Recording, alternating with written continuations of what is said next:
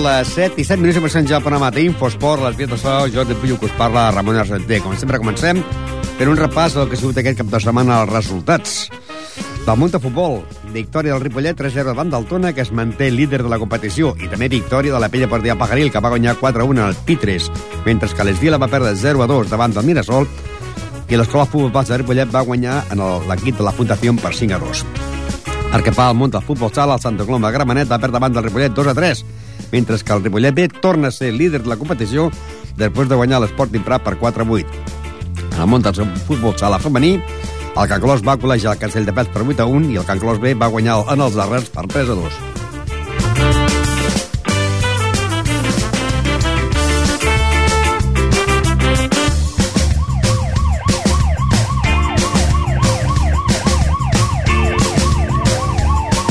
I en el món del bàsquet, eh, victòria de l'equip del Valls, que va guanyar en el Ripollet de 26 punts d'avantatge, 88 a 62. El Sant Vicenç va guanyar en la Bellcatzó per 60 a 53.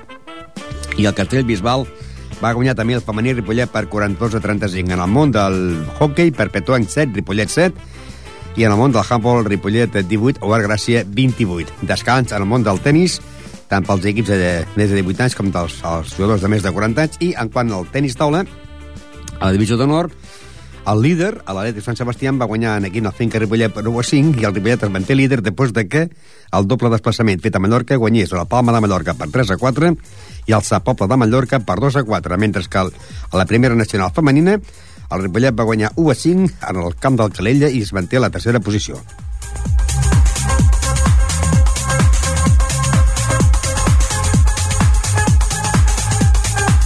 I anem ja, doncs, al món del futbol, categoria preferent on el Ripollet va guanyar per 3-0 en el Tona.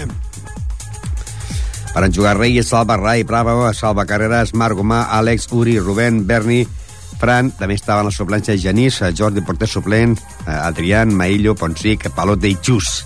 En el descans 0-0, al minut 6, Àlex marcava l'1-0 de penal expulsió del porter a 7 minut 4, expulsió del porter eh, i penal que va fer Rubén, el va llançar el jugador Àlex i va marcar el 1 a 0.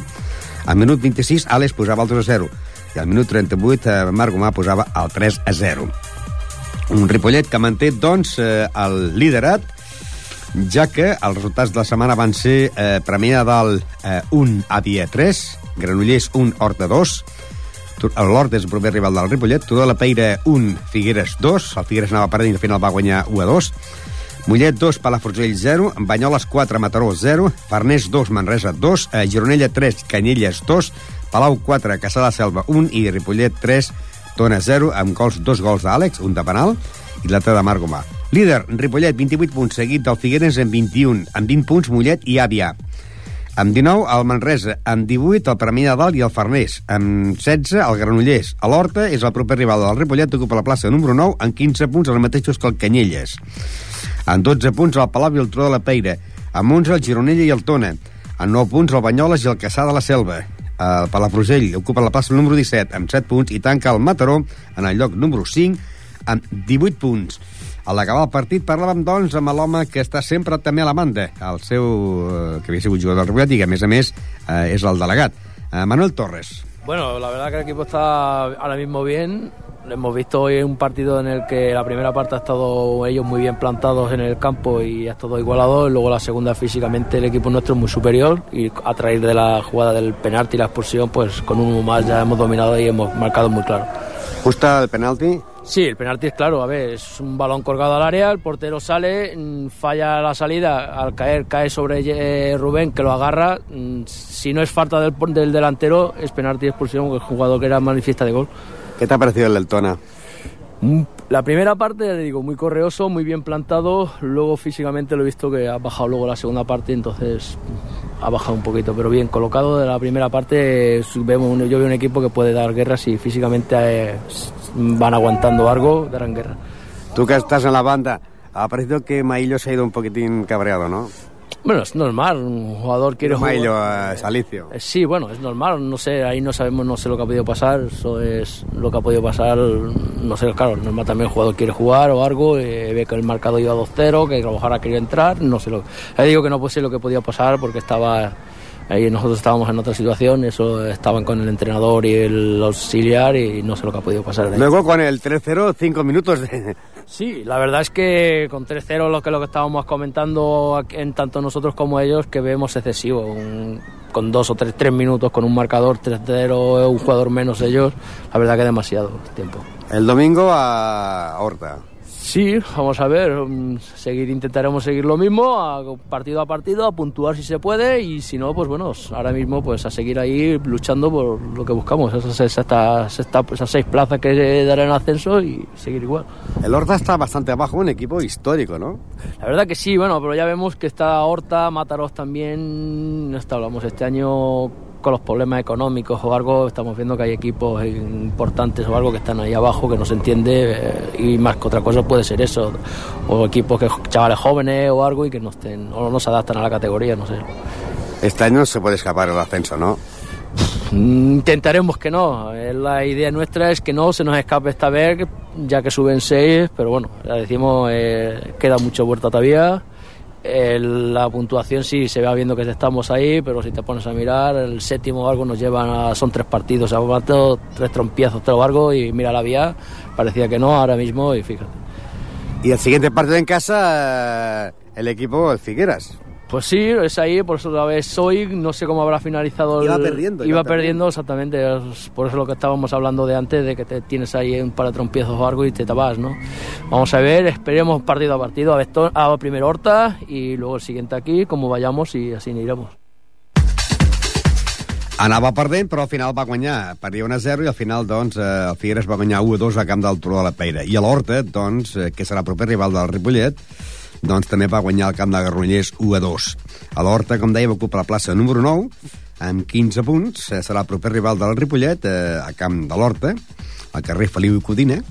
I llavors, doncs, eh, doncs, el següent partit que el Ripollet jugarà a casa ja serà eh, un altre partit d'aquells que fan afició perquè ens rebrem la visita del Figueres, que en aquests moments el Figueres és el segon classificat amb 21 punts. Ripollet, doncs, eh, victòria del, davant del Tona 3-0, amb dos gols d'Àlex eh, i un de Marc Gomà, i que la setmana que ve el partit serà entre el Horta i el Ripollet. Continuem amb més a eh, futbol, en aquest cas el futbol de la segona categoria territorial, on aquest cap de setmana la penya partida Pajaril va guanyar per 4 gols a 1 en el Pitres, amb gols d'Aitor, de dos d'Isma i un de Carlos. Els resultats van ser Parets 0, Vallès, eh, Parets 2, Vallès 0, eh, Sabadellenca 4, La Torreta 0, proper rival de la Penya, Lliçà de Vall 4, Vilamajor 3, eh, Cardeu 1, Sant Joan de Montcada 1, Santa Eulàlia 2, Vallès 1, Sant Esteve 0, Martorelles 0, Palau Tordera 1, Serranyola 1, Bellavista 3, Montmeló 3 i Penya Partida Bajaril 4, Pi 3 1. Líder Lliçà de Vall amb 26 punts, seguit del Caradeu amb 23, el mateixos que el Serranyola, amb 22 el Sabadellenca, a la Bellavista en té 21, la Torreta 20, Montmeló 18, a Santa Eulàlia 17, en 14 punts tenim el Vilamajor, Palau Tordera i la Penya Portilla Pajaril, que ocupa la plaça número 11. Sant Joan de Montcada 13 punts, la Mella 13, eh, Vallès 10, eh, Pitres 9, Martorelles 8, Sant Esteve 7 i tanca l'equip de Parets amb 18, en el lloc número 18 en 4 punts. Eh, tenim ja el seu entrenador, José Antonio Torres, buenas tardes. Hola, buenas tardes, Ramón. Y bueno, buen resultado, ¿no? 4-1 frente al Pitres. Sí, buen resultado, un buen partido. Creo que ha sido el mejor partido que, que hemos hecho, por lo menos el resultado más abultado que hemos tenido. Un partido pero, con mucho frío, además, ¿eh? En el campo. Sí, bueno, pero eh, yo, si te soy sincero, no noté el frío, porque vas a hacer la otra de la banda y no, no, no te enteras mucho del frío, la verdad se dicha. ¿Qué te pareció el Pitres? Hombre, a ver, un equipito dentro de lo normalico, un poco flojo lo vi. Yo esperaba algo más. De todas maneras que venían, tampoco venían con muchos jugadores, se ve que tienen muchos lesionados, según me dijo el entrenador. Y lo vi un poco flojito. Bueno, tenían dos o tres jugadores muy interesantes, pero no estaban demasiado bien acompañados. Un partido, Aitor conseguía el 1-0, Isma el 2-0, Carlos el 3-0 y el Isma, que ayer volvía como goleador, el 4 el, el 4-1. Eh, Isma, que después de varios de varios partidos sin jugar, bueno, sin jugar, sin anotar, ayer marcó dos goles ya. Sí, lleva, lleva dos semanas viniendo, porque con los problemas familiares y, y tal, pues estuvo prácticamente tres semanas o así sin venir a entrenar ni a jugar, porque, bueno, cosas que ocurren. Ahora tenéis un grupo que estáis con 14 puntos, eh, en el puesto número 9 Vilamayor, Palau Tortena y La Peña en el puesto número 11 con 14 puntos. Y esta semana pues eh, jugaréis eh, en el campo de La Torreta. La Torreta que esta semana ha perdido frente al Sabadellenca 4-0 y La Torreta está en el puesto número 6 con 20 puntos. ¿De dónde es el equipo de La Torreta? La torreta es la, la roca. La Roca. Sí, es la torreta de la roca. Ese equipo, mm, quizás es la primera vez que os enfrentáis con ellos, ¿no? No, nosotros nos hemos enfrentado a ellos, pero dos veces en, en pretemporada, el año pasado y hace dos años. Nos enfrentamos con ellos también en pretemporada allí, en su casa. ¿Y te sorprende que vayan al puesto número 6 ese equipo? Sí, bueno, a ver, sorprendido, sorprendido. Lo que pasa es que eh, hace dos jornadas, si no recuerdo mal, iban segundos. Sí. Y han perdido dos partidos seguidos. Yo creo Luego, estaba- yo creo que por lo, a ver, lo que tampoco sé lo que han, lo que han fichado este año, pero la- eh, lo que tenían antes, el equipo que teníamos nosotros, le habíamos ganado las dos veces en su casa los partidos amistosos. y arriba tenemos el Lliçà con 26 puntos y luego en la segunda plaza con 23 Cardeu y Sarrañola y Sabadellenca con 22. Eh, ¿Entre estos cuatro está el futuro campeón o no? Hombre, yo, yo creo que está, el futuro campeón debería estar, para mi, para lo que yo he visto, entre el Gisai y, la, y el Cardedeu. Porque el, eh, la Sabedenca, a ver, yo lo he visto jugar varios partidos porque hemos ido a verlo, porque siempre que deja la, la Sabedenca es el que coge, el que cogemos nosotros. Entonces la Sabedenca sí es un, es un equipo muy correoso.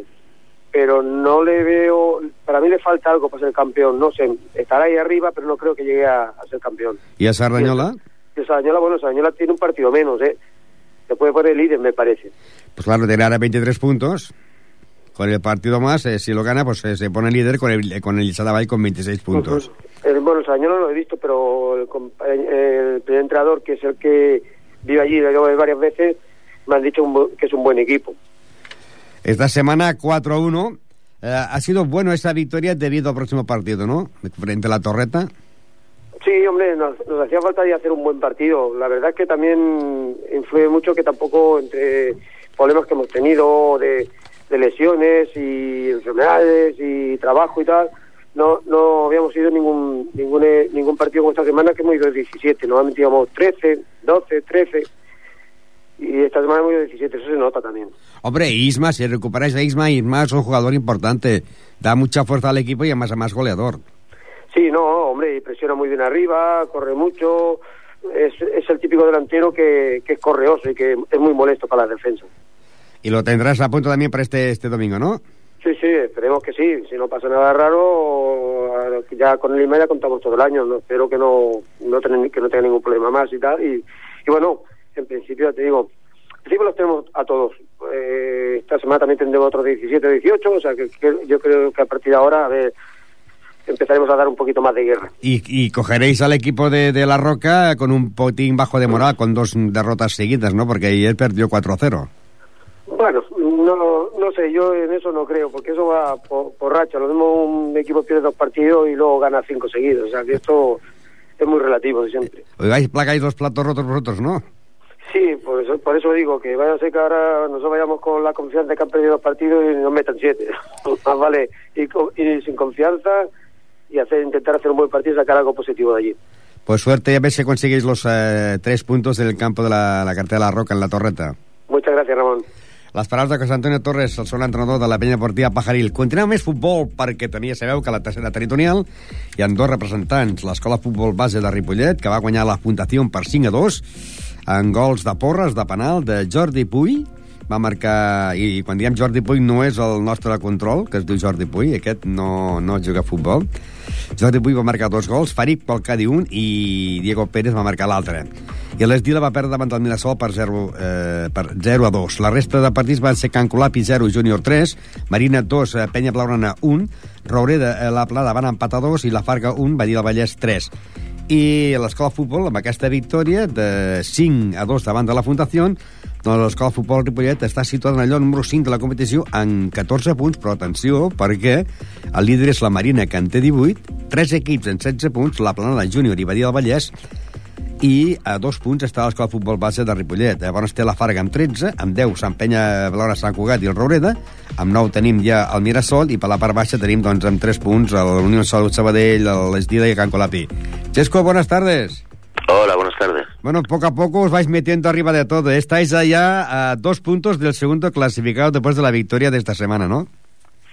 Mm, sí, no sé exacto todos los resultados. Sé que la planada empató con el Robreda.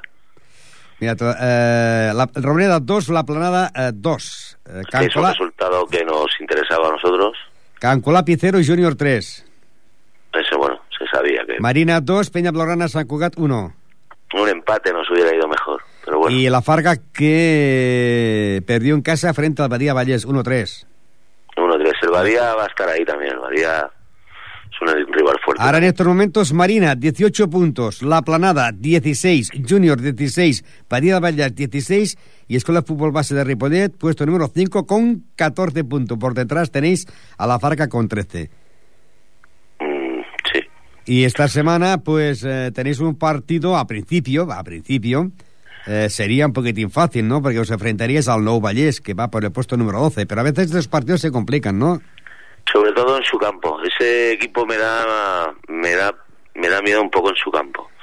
Porque es un campo que es muy pequeño, hace mucho frío ahí arriba, te cuesta entrar en el partido y ellos, al ser tan pequeños, lo tienen más cogido por la mano, ¿no? Y entonces la jugada balón parado, chutón de igual el sitio, los saques de banda, hay que ir muy concentrado. Y al ser un campo tan frío el sábado por la tarde, esperemos que, no nos pillen dormidos y que podamos ganar. ¿Veis el equipo como para quedar campeón del grupo?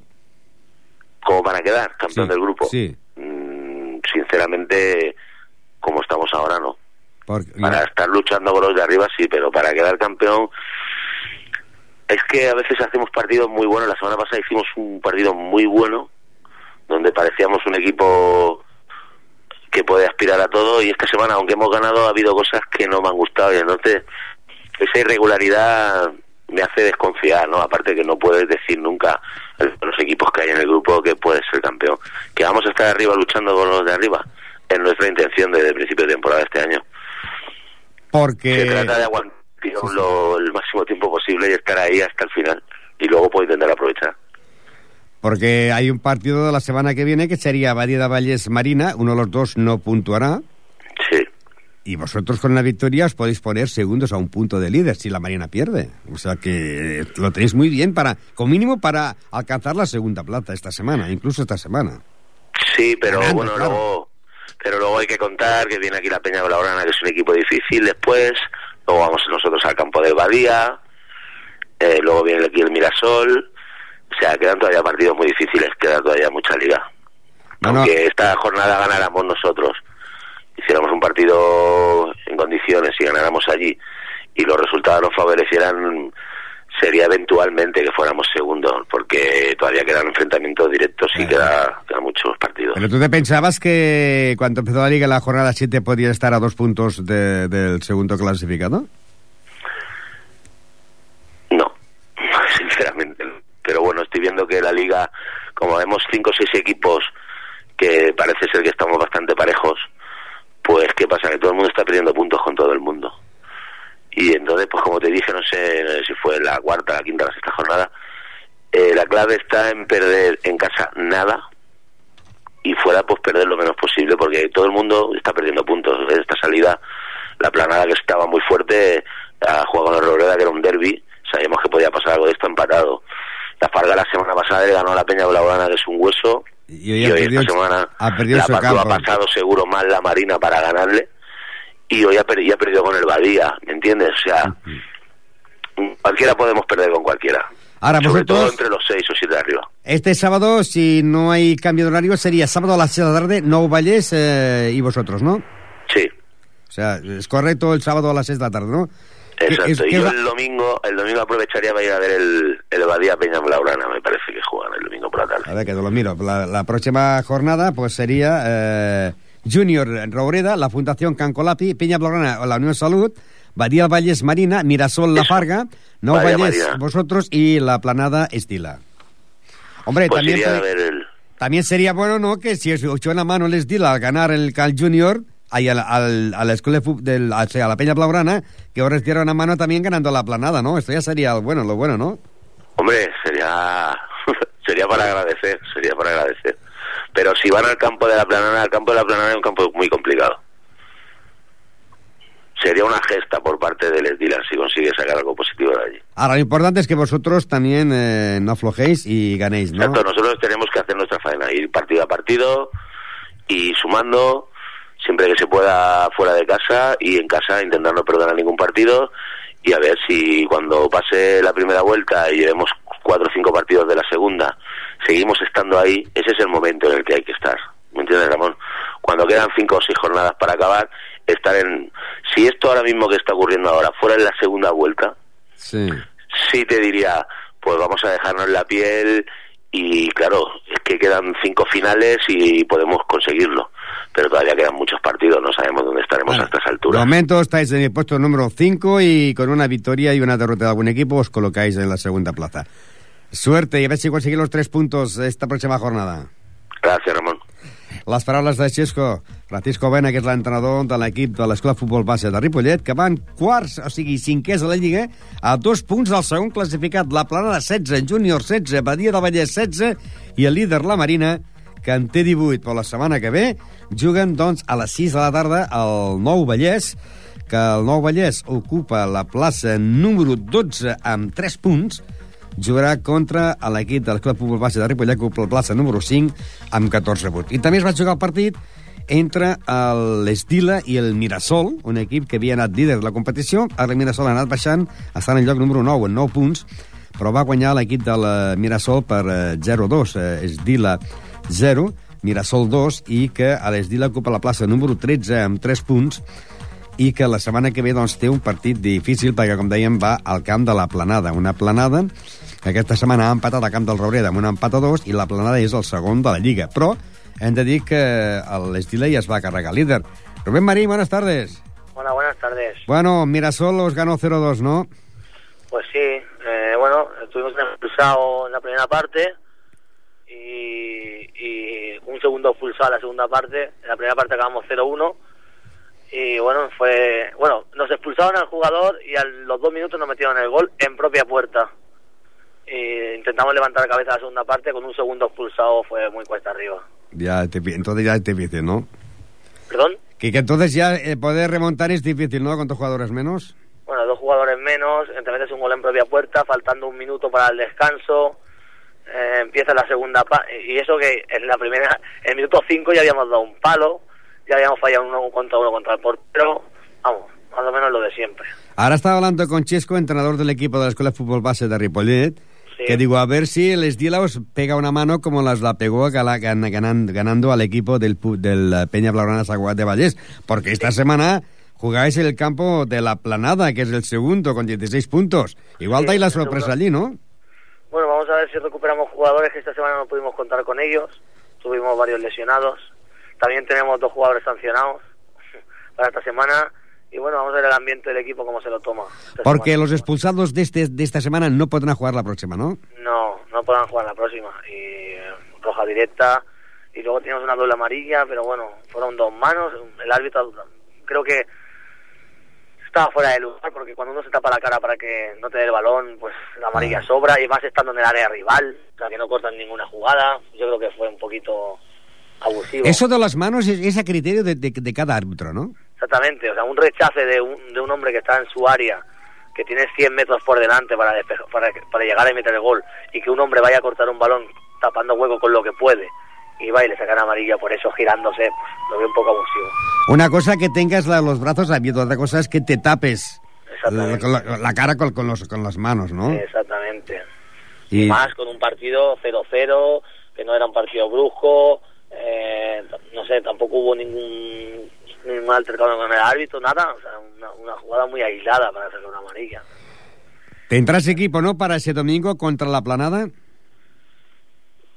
Si tengo equipo, has dicho. Sí, tendrás eh, suficientes jugadores. No, sí, jugadores tenemos. El problema es, bueno, que es eh, también el domingo por la mañana, ya son tres domingos consecutivos, aún nos to- ahora nos tocan dos partidos fuera, jugando a- por la mañana en domingo, fuera, también, o sea, son, son horarios un poco comprometidos, a gente joven pues le gusta acostarse tarde, luego ya no jugamos en casa, también hay que coger el coche, bueno, vamos a ver esta semana cómo lo, cómo lo montamos. Porque es que vosotros jugáis mejor con los equipos que van arriba que con los de abajo. Somos un equipo que mm, no sé, nos venimos muy abajo enseguida y tal vez cuando vemos que el equipo es muy inferior, pues nos, nos amoldamos y decimos que ya llegará el gol, que ya llegará el momento.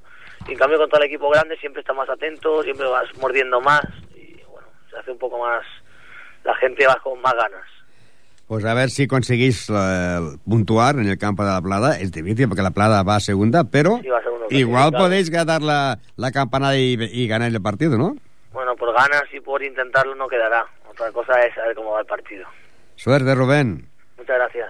Les paraules de Rubén Marín, que és l'entrenador de l'equip de l'Esdila, que la setmana que ve, la setmana que ve, doncs, s'enfrontarà el diumenge a dos quarts de dotze la planada Esdila, corresponent ja a la jornada número eh, eh, de futbol territorial, la jornada número 8 ja que a la 7, a la jornada número 7, eh, l'equip de l'Escola Futbol Bas de Ripollet va guanyar la puntuació per 5 a 2 i a l'Esdila va perdre mans de Mirasol per 0 a 2. Repetim la classificació, Marina 18 punts líder, la Planada eh, Júnior i Badia del Vallès 16, Escola Futbol Base de Ripollet, lloc número 5 amb 14 punts, la Farga 13, en 10 punts Penya, Blaugrana, Sant Cugat de Vallès i el Raureda, Mirasol en 9, la Fundació amb 6 i els, tres, els quatre últims equips tots tenen 3 punts. Unió de Salut Sabadell, Nou Vallès, Esdila i Can Colapi de Terrassa. Futbol sala. Futbol sala. Futbol... I en el món del futbol sala, que després de moltes derrotes, moltes derrotes, doncs, finalment el futbol sala de Ripollet va guanyar en el camp del Santa Coloma de Gramenet per 2 a 3. Espluga 5, Barmicassa eh, 5, 6 a 5, favorable a les Plugues. Mataró 3, Sabadell 5. Vilassar de Mar 2, La Unió 2, Caldia 4, Gavà 3, Escola Pia, proper rival del Ripollet 10, Martorell 4, Hospitalet 3, Premià 0 i descansava l'equip de Sant Cugat del Vallès.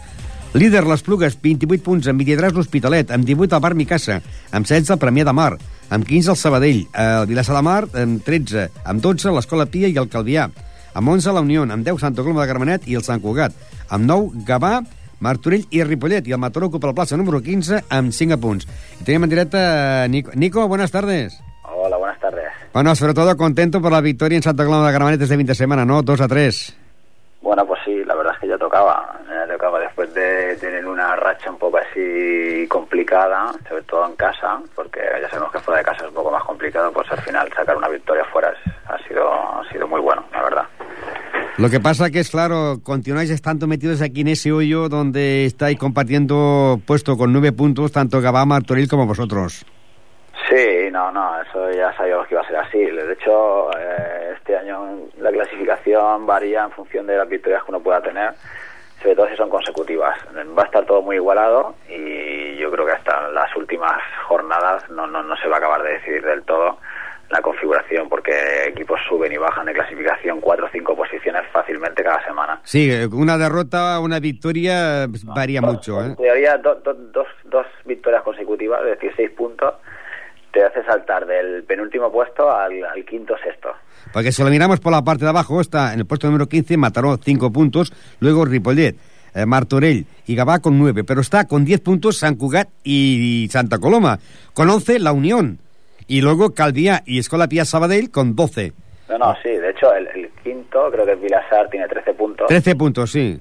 Eh, es- eh, no, el 15, el número 5 es el Sabadell que tiene 15 y el Villaseca sexto con 13. Eh, Exacto, el sexto que tiene 13 está a 5 puntos, ¿no? A 4, a 4 puntos realmente.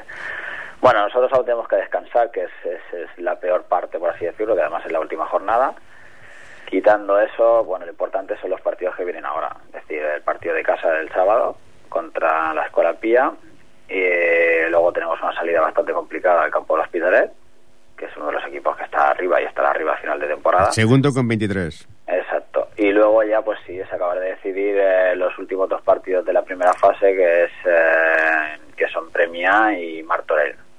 Y la Escola Pía que vendrá con, con moral porque esta semana la Escola Pía ha ganado a Martorell por 10 a 4. Y además, además, eh, la Escola Pía eh, siempre es un equipo que nos da mucha guerra aquí en Ripollet. Bueno, sí, realmente es un derby, ¿no? Eh, vamos a ver. Nosotros lo tenemos catalogado como tal, más que nada por la proximidad, ¿no? Y por la relación que ha habido en los últimos años con el equipo de Sabadell. Eh, es un equipo complicado, siempre es complicado, sobre todo en pistas pequeñas, la nuestra es también pequeña, ellos estarán, ah, estarán más acoplados seguramente a esto, pero bueno, jugamos en casa, nos tenemos que hacer fuertes aquí y tal y como desde el primer partido lo hemos estado intentando hacer, hay que sacar los puntos como sea. Y si ganáis este sábado, yo creo que daréis un paso importante de cara a escalar posiciones, ¿no? Sobre todo a nivel de confianza, yo creo que es clave. Eh, llevamos tres empates en casa, eh, de 12 puntos o de 9 que podíamos haber tenido, hemos tenido solo tres. O sea, de 9 posibles hemos cogido tres por los tres empates si hubiésemos tenido nueve puntos más, eh, la cosa sería otra, pero realmente a nivel de moral nos hace falta otra victoria. Dos victorias consecutivas harían que el equipo confiase mucho más en... Y el problema también ha sido las lesiones de los jugadores, ¿no? Bueno, sí, realmente mm, llevamos acarreando desde el inicio de temporada dos, tres jugadores todas las semanas con problemas. Entonces, pues bueno, eso hace eso hace mella, lógicamente, hace que, que el equipo no, no, no compita en todos los niveles y necesitamos que haya competitividad. ¿Para esta semana podrás contar con toda la plantilla o no? esta semana ya tenemos, eh, bueno, solo habrá una baja, realmente. Eh, entonces... ¿Qué baja será? Rubén. Rubén. Sí, Rubén todavía sigue arrastrando problemas físicos. Y bueno, recuperamos a David Bustamante. Eh, bueno, esta semana pues tendremos más competitividad dentro del equipo y importante, llegar con todas las garantías posibles al partido del sábado, que es lo que necesitamos. Porque la última, el último partido no estaba ni, ni Juanele, ni Samu, ni, ni Busta. El partido en casa sí, realmente había cinco bajas, una por expulsión, tres eh, lesionados, cuatro lesionados. Eh, teníamos dos jugadores del segundo equipo, eh, bueno, realmente complicado, complicado. Actualmente seguimos teniendo también la baja de, nuestro portero, de, de guerra. Eh, pero bueno, aún así la, profundidad de la plantilla es grande y tenemos que trabajar con todos los jugadores que tenemos y creo que la mayoría lo están haciendo bastante bien, o sea que eh, hemos de seguir en la línea de progresión. Pues ánimos y a ver si se consiguen eh, batir esta semana a la Escuela Pía de Sabadell. A ver si es verdad, en eso estamos. Gracias, Nico. A vosotros, buenas tardes. Buenas tardes. Les paraules de Nico Sebana, que havia sigut jugador del futbol sala de Ripollet, quan es va fer aquella fase que es va anar a Tenerife, que jo vaig estar amb ells a Tenerife, doncs eh, el Nico era jugador del Ripollet, va marxar i ara és eh, l'entrenador que porta primer equip després de la dimissió d'Antonio Estremera, que ja sabeu que la setmana passada vam tenir aquí Antonio Estremera, i Jordi Martín, que és el nou president del futbol sala de Ripollet. Eh, va haver eleccions, va, hi van haver eleccions el dijous, va sortir escollit eh, Jordi Martín i el divendres el vam tenir aquí en la ràdio, en directe, en el programa d'Infosport, l'entrenador, eh, exentrenador, eh, i que també feia les, les mm, funcions de president accidental, Antonio Estremera, i el nou, el nou president, eh, Jordi Martín. Doncs bé, parlant de, dels convidats, divendres tindrem el Club Tenis Ripollet, Club Tenis Ripollet, i l'altre tindrem el Club Tenis Víctor Trosses. Continuem amb més futbol sala perquè el Ripollet de futbol sala eh, s'hi va guanyar en la pista Santa Coloma Gramenet per 2 a 3, amb dos gols de Sergio i un de Fran, doncs l'equip B torna a ser líder. Torna a ser líder per què? Perquè va guanyar en la pista de Prat i perquè el que anava a segon, el líder, la Lella, doncs va empatar a 3 i el Ripollet va perdre el liderat perquè va tenir una jornada de descans. Esclar, una setmana al no jugar, al no puntuar, la Lella va posar-se per davant. Però aquesta setmana Llagostense 3, a l'Illa 3. I Sporting Prat 4, Ripollet B 8. Per tant, líder Ripollet B amb 18 punts, seguit de l'Alella amb, amb 17, Castellà 15, amb 13 punts tenim el Sant Sur, Llagostense i Sant Just, i per la part baixa tenim el Bruc, el Viladecans i l'Esporting Prat. I la propera setmana, la propera setmana, doncs el Ripollet B tornarà a jugar fora, ho farà al camp del Bruc.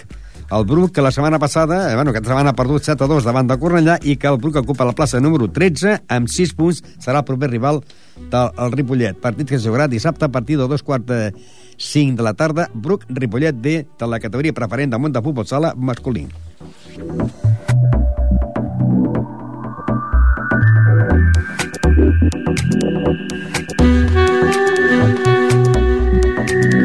I continuem amb més futbol sala, en aquest cas futbol sala femení, que doncs, la jugadora Raquel, Olga, Carmen, Maria Ángeles de la Teli, Lali, Iris, Sònia, Marta i Begoña jugadors que van jugar amb l'equip de Can Clos varen golejar en el Castelldefels per 8 a 1. Can Clos 8, Castelldefels 1. Olga va marcar dos gols, Maria Ángeles 1, Celi 2, Sònia 1, Begoña 1 i Carlota 1. Begoña i Carlota són dues jugadores que també juguen amb l'equip B. El Vilassar va guanyar 4-3 la Caradeu, el Montserrat va perdre davant del Cola Espia 0-6 i el Cerebra va perdre amb el Sant Cugat 1-3. Líder Vilassar de Mar amb 15 punts, seguit el Sant amb 13 i la tercera plaça pel Cervera amb 9 punts i la Can Clos amb 9. Escola Pia 7, I per la part baixa tenim amb 3 punts l'Altafulla, el Montserrat, i amb 0 punts el Castelldefels. I la propera setmana, doncs, l'equip del futbol sala, eh, Can Clos, jugarà contra l'Altafulla. Una Altafulla que aquesta setmana doncs, eh, ocupa la plaça número 11 amb 3 punts. Pel que fa al femení, també hem de dir que l'equip B va guanyar 3 a 2 als Arrels, en gols de Maria, de Júlia i de Sònia. Can Clos B3, Arrels 2. Líder Sant Feliu, 15 punts, seguit de l'Arenys de Munt amb 10, Sant Pedor 9, Arrels, eh, Hospitalet i Can Clos B6, a Centella 5 i al Pala Baixa tenim a Santa Coloma de Gramenet amb 3 punts i tanca la penya de Balona de Sant Andreu amb, amb un punt. I la propera setmana, a l'equip del Can Clos B, eh, que ocupa la plaça número 6 amb 6 punts, jugarà contra l'equip del Sant Pedor. Sant Pedor, que és tercer amb 9 punts.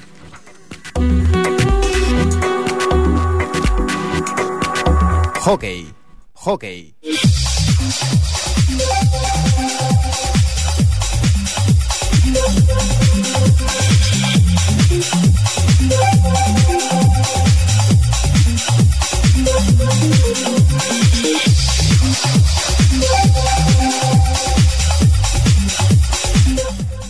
I quan anem amb més esport, en aquest cas anem al món del hockey, que aquest cap de setmana el Club Hockey Ripollet va empatar a la pista del Perpetuenc amb un empat a 7, amb tres gols de Gerard Aran, eh, un de Josep, dos de Josep Maria Garcia i dos de Cesc Vilaubí. Hem de dir que el Ripollet manté aquesta cinquena pla- plaça en 13 punts i que aquesta setmana van empatar a 7, i és curiós perquè eh, doncs perdia el partit. Tenim en directe el seu entrenador. Raúl Ortiz, bones tardes. Raúl? Raúl, bona tarda. Hola, bona tarda. Bona tarda. Estava dient que jo vaig estar trucant en el delegat quan estava jugant el partit i em va dir Sí. encara falta temps. Estan perdent 6 a 3. I, Sí. I final de partit empat a 7. Déu-n'hi-do, no? Amb, amb, un empat a 7 que, déu nhi sí, sí, va costar bastant, però finalment eh, doncs, el resultat ens va acompanyar a la segona part. El plantejament inicial que vam fer a la primera part no ens va acabar de funcionar a nivell tàctic, però vam fer un canvi a la segona part i ens va permetre la, remuntada. Com és que amb el hockey a vegades es passa mitja part sense fer cap gol i llavors eh, a gol per minut? Bueno, eh, moltes vegades té molt a veure el físic. Eh, el, Perpetuenc, en aquest cas, la segona part, ja va acabar la primera amb problemes físics per arribar doncs, a, a continuar amb el joc que estàvem fent ofensiu i a la segona part doncs, nosaltres ens vam aprofitar d'aquesta marge de, de maniobra per poder doncs, començar a fer, doncs, a aplicar, sobretot, i les arribades ofensives. Cal dir també que va ser un partit bastant difícil, un partit molt dur, on hi van haver, doncs, bueno, el que dic sempre, on no arriba el físic, doncs arriba sempre el cop d'estic, no? La veritat és que ens va costar bastant molt, i a més l'arbitratge, doncs, també va, va acompanyar una mica que, a que ells poguessin fer la seva, no? Que era precisament, doncs, trencar-nos tots aquells jugadors que són més habilidosos dintre de l'àrea i fins i tot eh, el fins i tot el porter contrari també actuava, vull dir que realment va ser un partit molt complicat, la veritat és que la veritat és que va ser així, sí. Jo no sé, però en aquesta categoria hi ha, hi ha àrbits, no sé, no sé si dir molt dolents o que no en saben. Jo crec que, que, que hi ha una mica de tot, des de la inexperiència per part de, la, de les darreres promocions que han sortit d'àrbitres, passant per eh, la conservadorisme potser dels més veterans. No? En aquest cas, aquest àrbitre jo el conec perfectament, sempre m'havia arbitrat amb tota normalitat i en canvi dissabte li vaig tindre que dir realment avui m'has decebut molt perquè jo tenia un àrbitre bastant rigorós i he vist claríssimament que has deixat, has deixat bones permès una mica doncs, donant massa marge quan el nou reglament en, en, i la resta dels teus companys estan dient al contrari, no? que precisament són molt rigorosos en l'aplicació del reglament i tu has deixat fins i tot doncs, bueno, una, un intent d'agressió claríssim per part d'un jugador del perpetuent a un jugador dels nostres i, i has dit que no l'has vist, quan l'ha vist tot el pavelló. Vull dir que són coses també una miqueta doncs, que, que de- d'hipocresia fins i tot. No? Aquest perpetuen, que és el, el Sant Bernat de la Moguda o, o altre... Perpètua de la Moguda. Val, vull dir que no hi hagués un altre, un altre equip que hagi No, no, no. informat. És el Perpetuenc, però eh, és l'equip de Sant, Sant, de Santa Perpètua. Sí, però com que sempre generalment era l'equip de Santa Perpètua i ara l'Albert Perpètua que igual és Sí. una altra entitat que de, de hockey. No, no, no, és el Perpetuenc. Que ja és difícil, no?, que en un poble hi hagi dues entitats de hockey. Sí, sí, sí, no, això no és com a futbol, que s'acostuma a dir sempre un segon equip a la ciutat o, o, o al poble, en aquest cas no, no, no, és el, és el mateix Santa Perpètua de sempre, sí, sí. Bueno, refet, refet, sí. perquè hi, hi havia molts jugadors de, de tot arreu, de fet és un, és un mix de diversos jugadors i, bueno, realment amb gent amb veterania i que tenen, que tenen uns quants anys d'experiència en, en aquest esport i que, bueno, que també els coneixem i per això sabíem que seria un partit, ja, ja l'esperàvem així, eh? Us esteu mantenint el lloc número 5 en 13 punts i aquesta Sí. setmana jugareu a casa contra el Canet de Mar. contra el Canet a més és, els resultats no són molt fiables, perquè veus la taula i vas veient els resultats que van tenir els diferents equips entre ells i no te'l poses a enrefiar, perquè hi ha, hi ha autèntiques sorpreses. Eh? Canet és un equip que igual que li han guanyat de 4 gols, amb el Riu de Vitges va, van quedar només van perdre d'un gol. Vull dir que són resultats una mica una mica confosos, no? que pot donar, poden donar peu a confusió. Nosaltres no ens relaxem i, i tots, per nosaltres tots els rivals són forts. És igual si estan a dalt de la taula o a baix.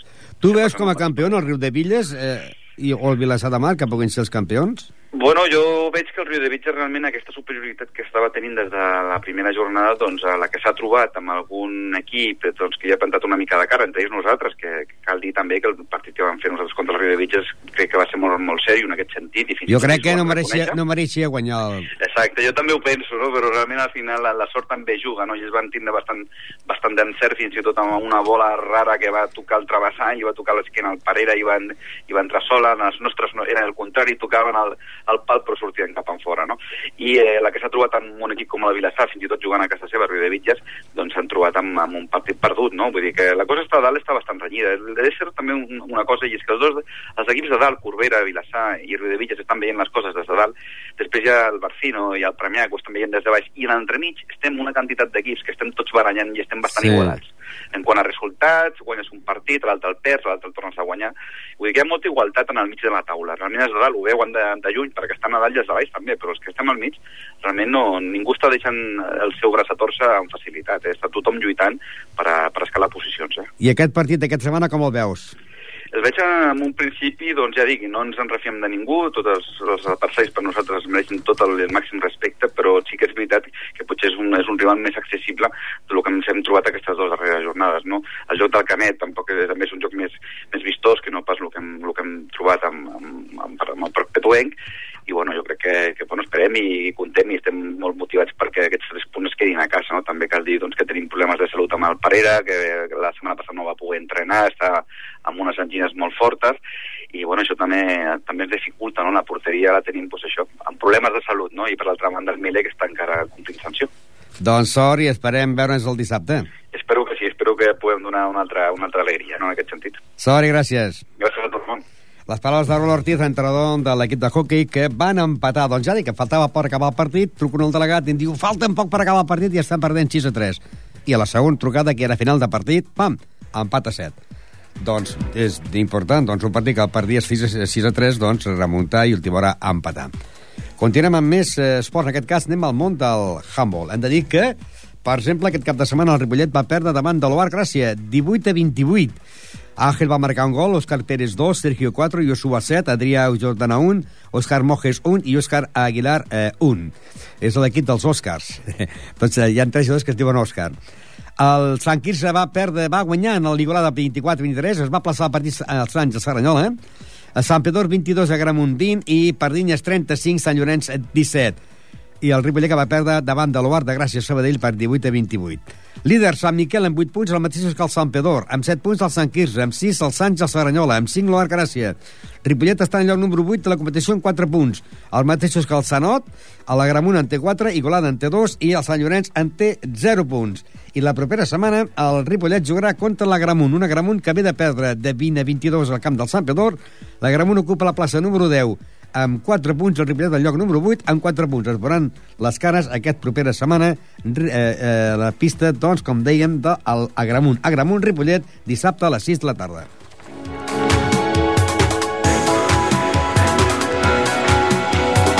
Tenis taula, tenis taula, tenis.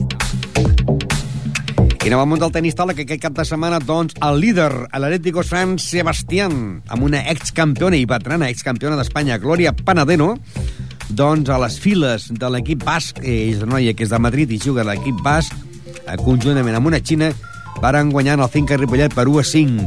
La resta de partits va ser Artial de Santiago de Compostela 4, Avilés 2, Casa Astúries de León 4, Calella 3, Santa Eulàlia de Visa 3, Helios de Saragossa 4, Falcons de Sabadell 2, Atlético Sant Sebastián 4 i Finca Ripollet 1, Atlético Sant Sebastián 5.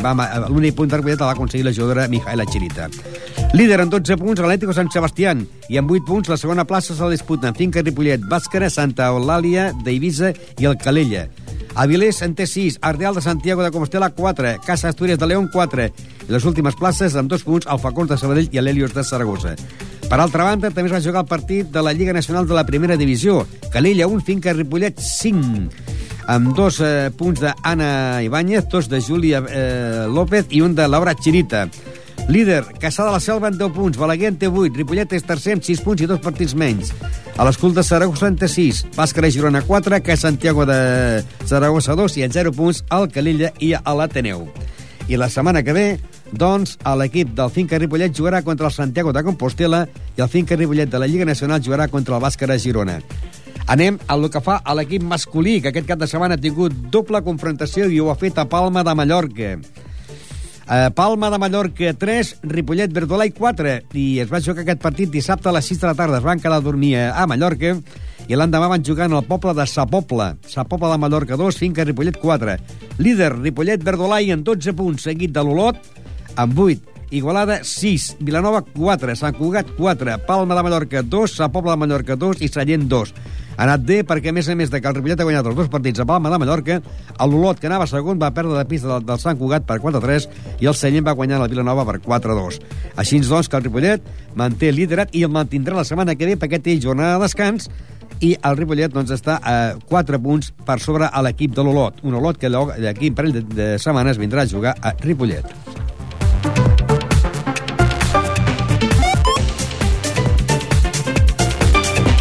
Bàsquet. Bàsquet. I en el món del bàsquet hem de dir doncs, que el Club Bàsquet Ripollet va perdre aquest cap de setmana el, a Valls. Uh, Valls 88, Ripollet 62. El líder és l'equip de la Salla Reus, que en té 20 punts, seguit de l'Esparreguera amb 18, amb 17 el Sabadell, amb 16 punts tenim el Química, eh, Valls Química i el Sant Jordi, el, el, el Fred Terrassa i el Tarragona, proper rival del Ripollet. En 14, 14 punts el Can Torreta, el Sant Cugat i el Sant Boi. Amb 13 punts el Gavà i el Serranyola, el Salou i el Morell. I les dues places de descens, o sigui, de descens directe seria pel Vilanova i la Geltrú amb 12 punts i el Ripollet amb 11. L'únic partit que el Ripollet ha guanyat ha sigut precisament l'equip de la, la, la parròquia de Vilanova i la Geltrú. La parròquia baixaria de categoria, el Ripollet també, i promocionarien Morell, Salou i Serranyola. I també el Gavà. La propera setmana el Ripollet doncs, jugarà contra el Tarragona. El partit serà, eh, se jugarà eh, a partir de dos quarts de sis de la tarda. Per què? perquè hi haurà un partit d'homenatge pòstum a un jugador que Ricard Fàbregas, un jugador del Club Bàsquet Ripollet, que va morir eh, i que havia estat amb el Ripollet eh, de la temporada 72, del 72 de l'any 1975, que abans va, va jugar amb el Barça de veterans, i faran un partit de veterans entre el Ripollet i el Barça a partir de les 7 de la tarda, i que doncs estaran presents a Modesto Serra, Cis, eh, Cis Comimó, que són els jugadors que jugaven amb Ricard Fàbregas, i per això el partit entre el Ripollet i el Tarragona se jugarà el dissabte a partir de dos quarts de 6 de la tarda, Ripollet contra el Tarragona, i llavors el partit de veterans entre el Ripollet i el, el propi Barcelona de veterans. En homenatge eh, pòstum a Ricard Fàbregas, exjugador del Club Bàsquet Ripollet de les temporades 72 i 75. El Ripollet, doncs, es farà aquest partit i el divendres tindrem, doncs, eh, informació, tindrem més informació i tindrem, doncs, declaracions dels dos exjugadors, Modesto Serra, de Cisco Mimó, que jugaven amb ell, i també del seu president, Rafa Díaz. Perquè fa el món del bàsquet eh, de la, del Gasó, la Vell Gasó aquest cap de setmana eh, va perdre en la pista de el Sant Vicenç per 50, 60 a 53 i ara ocupa la plaça número 9 amb 11 punts. El líder és el Martorelles, que en té 18, eh, empatat amb la Vila Sall de Montcada, que també en té 18. I per la part baixa tenim el Setmanat amb 9 i el Sant de Perpètua amb 9 punts.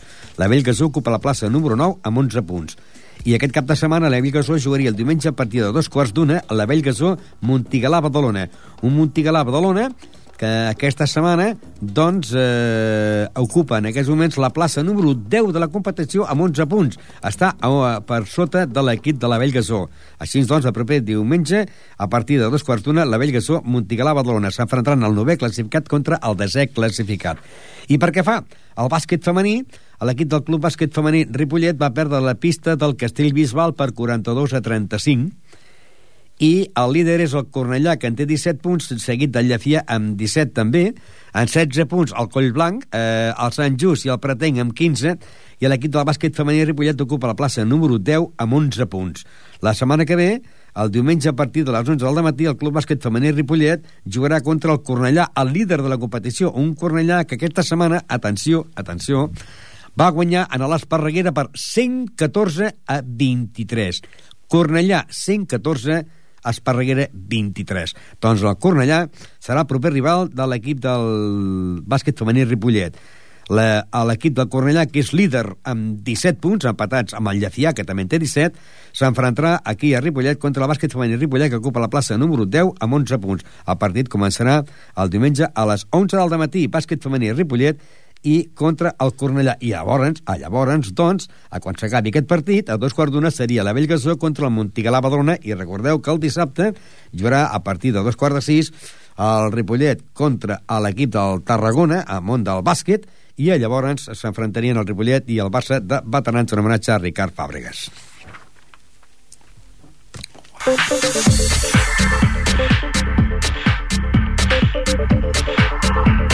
I quasi, quasi la recta final posarem punt i final eh, parlant doncs, del Club Tenis Ripollet, que el Club Tenis Ripollet aquesta setmana ha tingut jornada de descans i la classificació per aquells jugadors de més de 18 anys, que és a la segona divisió, doncs l'encapçala l'equip del Club Tenis Laietà, amb 9 punts, seguit del Vilanova de Geltrú, 9 punts, el Ripollet és tercer amb 7 punts, els mateixos que les Moreres, que a la Pobla de Claramunt, que el Vilanova del Camí, el Castellbisbal en té 5 i ocupa la plaça número 7, i amb 3 punts tenim el Sant Llorenç d'Hortons, el Centre Esportiu Universitari i el Centre Esportiu Hispano-Francès. I pel que fa a l'equip eh, de primera divisió de més de 40 anys, també van tenir jornada de descans, i el líder és l'equip de l'hispano-francès amb 3 punts, seguit del Camp Melic amb 3, el tenis Olesa també 3 punts, i amb un punt tenim el tenis Ripollet, el Vilanova de Geltrú i el Sant Andreu de la Barca, i amb 0 punts en el lloc número 7 a l'equip del Sant Sadurní de Noia.